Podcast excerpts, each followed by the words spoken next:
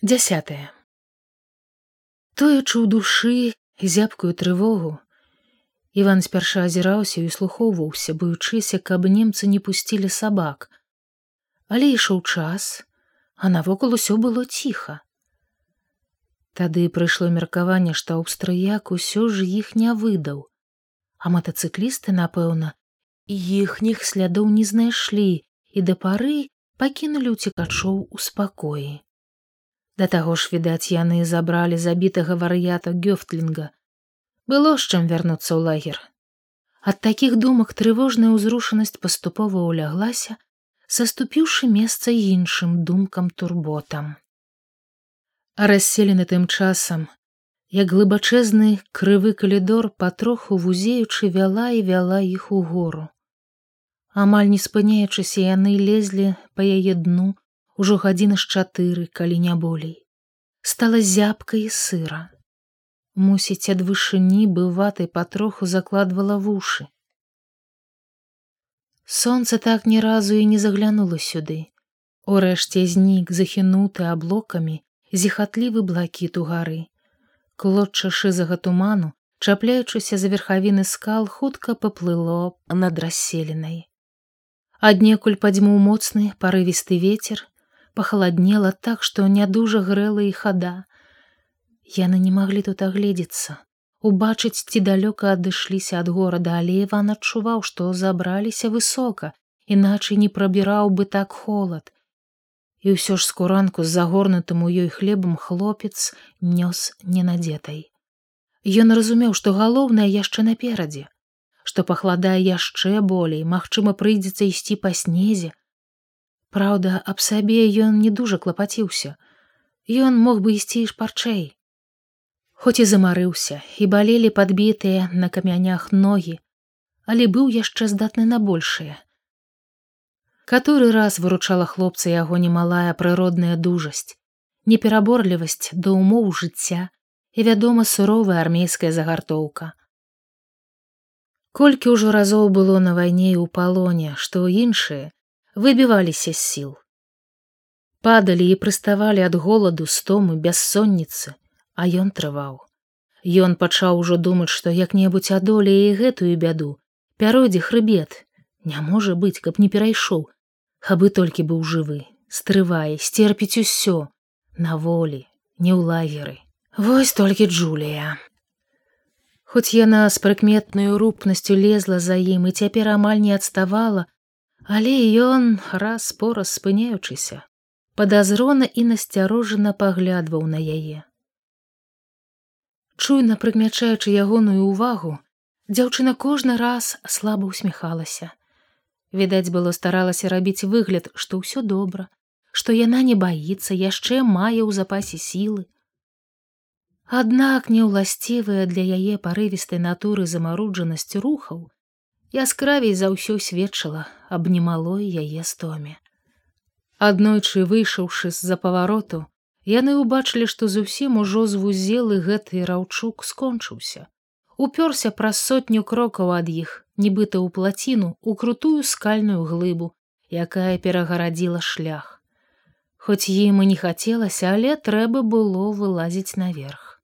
На ветер, на голыя, адкрытыя адусюль скалы. Мусіць, там можна было прайсці далей. Іван павярнуў на круты адхон. Выкарабкаўся ледзьве не да самага верху і, апусціўшыся на адно калена, прычакаў Джулію. Яна лезла трохі марудней, апусціўшы ад стомы голаў. Хлопец упёрся выстаўленай нагою, падаў ёй руку. Дзяўчына ўчапілася ў яе сваімі мяккімі сцюдзёнымі пальцамі і ён болей не азіраючыся павалок яе ў гору.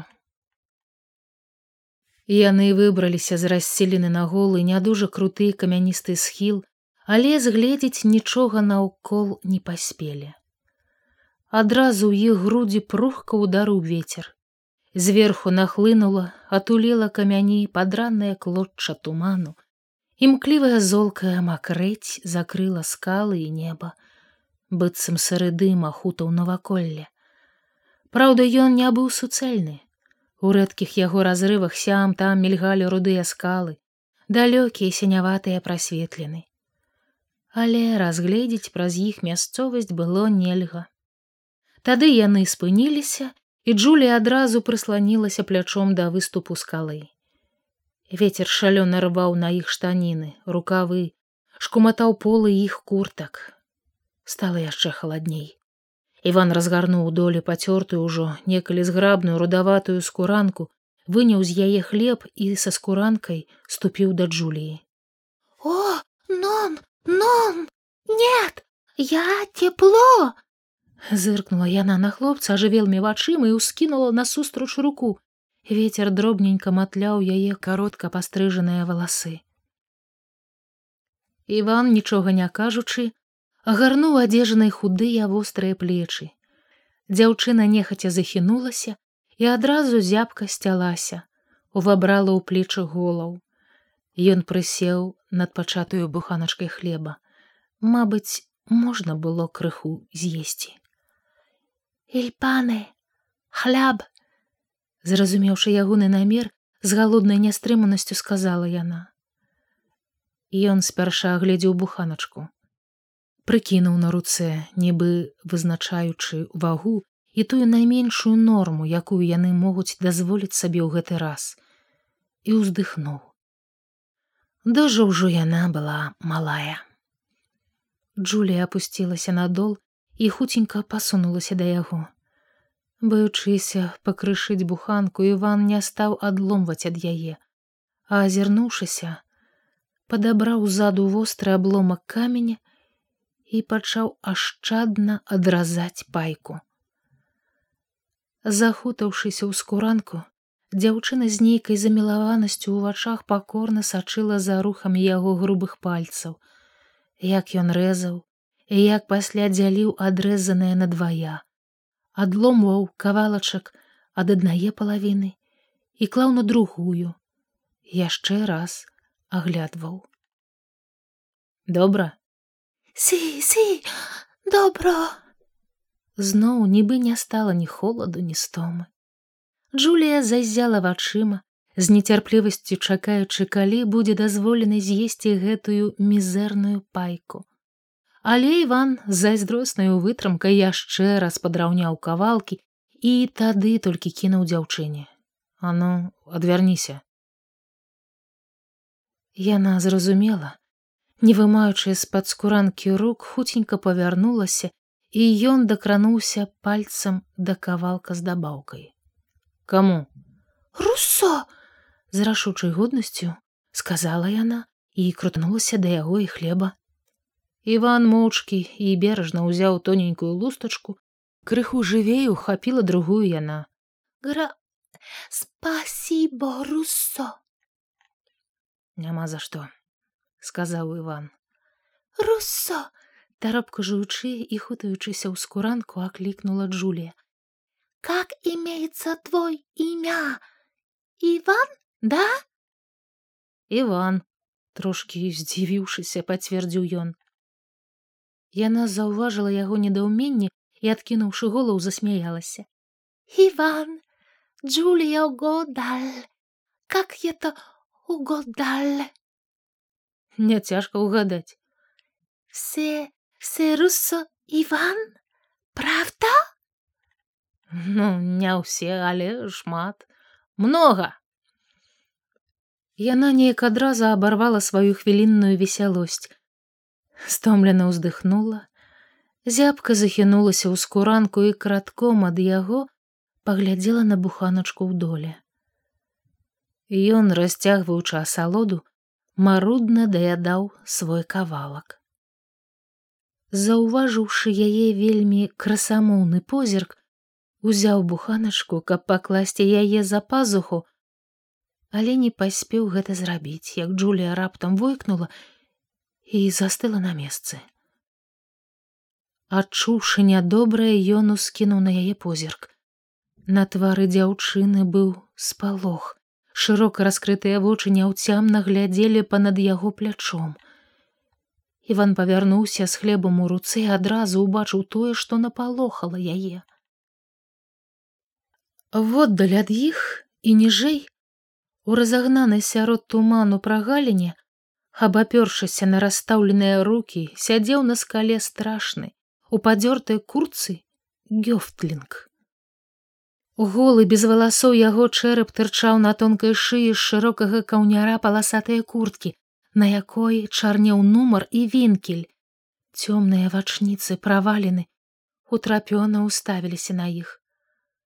Пэўна, ён убачыў у іхных руках хлеб, здрыгануўся і, прыскокваючы на месцы, пачаў хрыпла выкрыкваць: брод, брод, брод.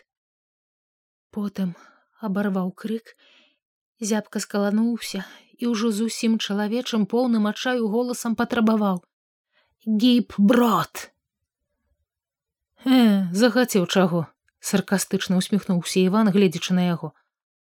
А Гёфтлінг некалькі секунд памарудзіў і з нечаканаю злосцю залямантаваў: гіп брод, гіп брод, іх бешайна гестапо, гіп брод. Дай хлеб, дай хлеб, я данясу гестапа, дай хлеб. Ах, гестапа! Іван узняўся на ногі. А ну марш адсюль, ну жыва! Ён пагрозліва памкнуўся было да вар'ята і толькі ступіў некалькі крокаў, як той скочыў са скалы і адбег далей уніз. Гіброд, нікс гестапо, нікс брод гестапо.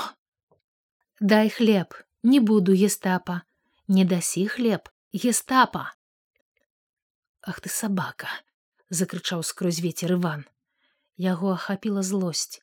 Хлопец памкнуўся быў дагнаць гэтага шантажыста, але той засцярожліва адбег яшчэ далей. Згледзеўшы, што Іван спыніўся, ён таксама стаў. Гіброд! Іван засунуў руку за пазуху. Немец застыў, чакаючы, але хлопец выхапіў пісталлет і хруснуў курком. Пістоле! са страхам крыкнуў вар'ят і кінуўся назад. Іван прыкусіў вусны, ззаду да яго падскочыла Джулія. Даць он хляб, даць хляб спалохана загаманіла яна вар'ят тым часам адбег прыпыніўся і азіраючыся хутка пасігаў уніз иван даць хляб даць хляб нон гестапо боязна патрабавала дзяўчына. Гад прадажны думаў хлопец злосна гледзячы на хісткую постаць вар'ята. З'ем жарты нядоўгія наробіць крыку і выдасць немцам. Што зробіш з дурным? І забіць шкада і адчапіцца няма як прыйдуць з сабакамі патрапіць на след лічы ўсё прапала. Эй крыкнуў хлопец вар'яту на брод той затрымаўшыся за скалу спыніўся азірнуўся здалося нават падумаў і неўзабаве праз вецер данёсся ягоны голас нікс душы сэн Их бешайна гестапо! Не, ты будешь стралять, я данясу гестапа. І зноў падаўся ўніз. Ідзі ты к д'яблу, нікшысын. На вось, на! Іван сапраўды адламаў ад буханачкі кавалак і падняў яго ў руцэ, каб вар'ят убачыў. Джулія, стоячы побач, скаланалася ад холаду і занепакоена пазірала на гёфтлінга а той пастаяў крыху, потым апусціўся на выступ скалы. Да іх ён падыходзіць баяўся. Ах ты сабака, закрычаў Іван, страціўшы цярпенне. Ну і чорт з табой, ідзі ў гестапа, ідзі.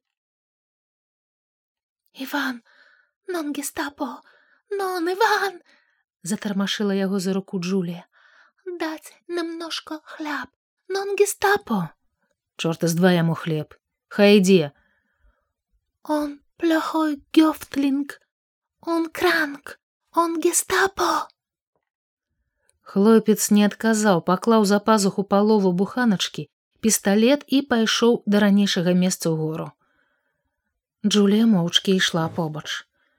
Ён адчуваў, што так абыходзіцца з гэтым вар'ятам было небяспечна, але цяпер ён ужо не мог саступіць яму. Злосная зацятасць, аказалася мацнейшую за асцярогу.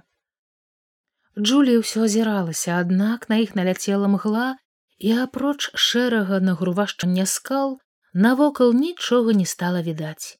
На ўсёй далечыні ўнізе і па баках імчаў, клубіўся і рваўся золкі імклівы туман. Невядома было, ці Гёфтлінг сядзеў там, ці можа сапраўды вярнуўся назад. Заўважыўшы на твары дзяўчыны трывожны клопат, Іван зазначыў: Нікуды ён не пойдзе, брэша ўсё.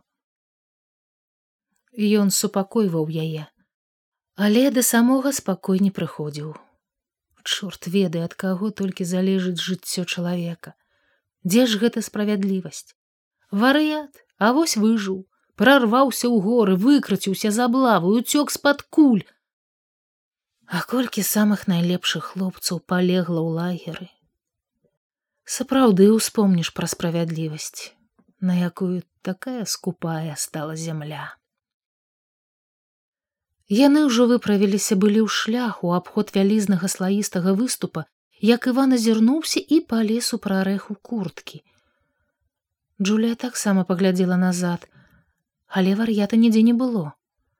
І ўсё ж Іван дастаў кавалак, вярнуўся і, пашукаўшы здатную мясціну, паклаў яго на камень, дзе яны нядаўна сядзелі.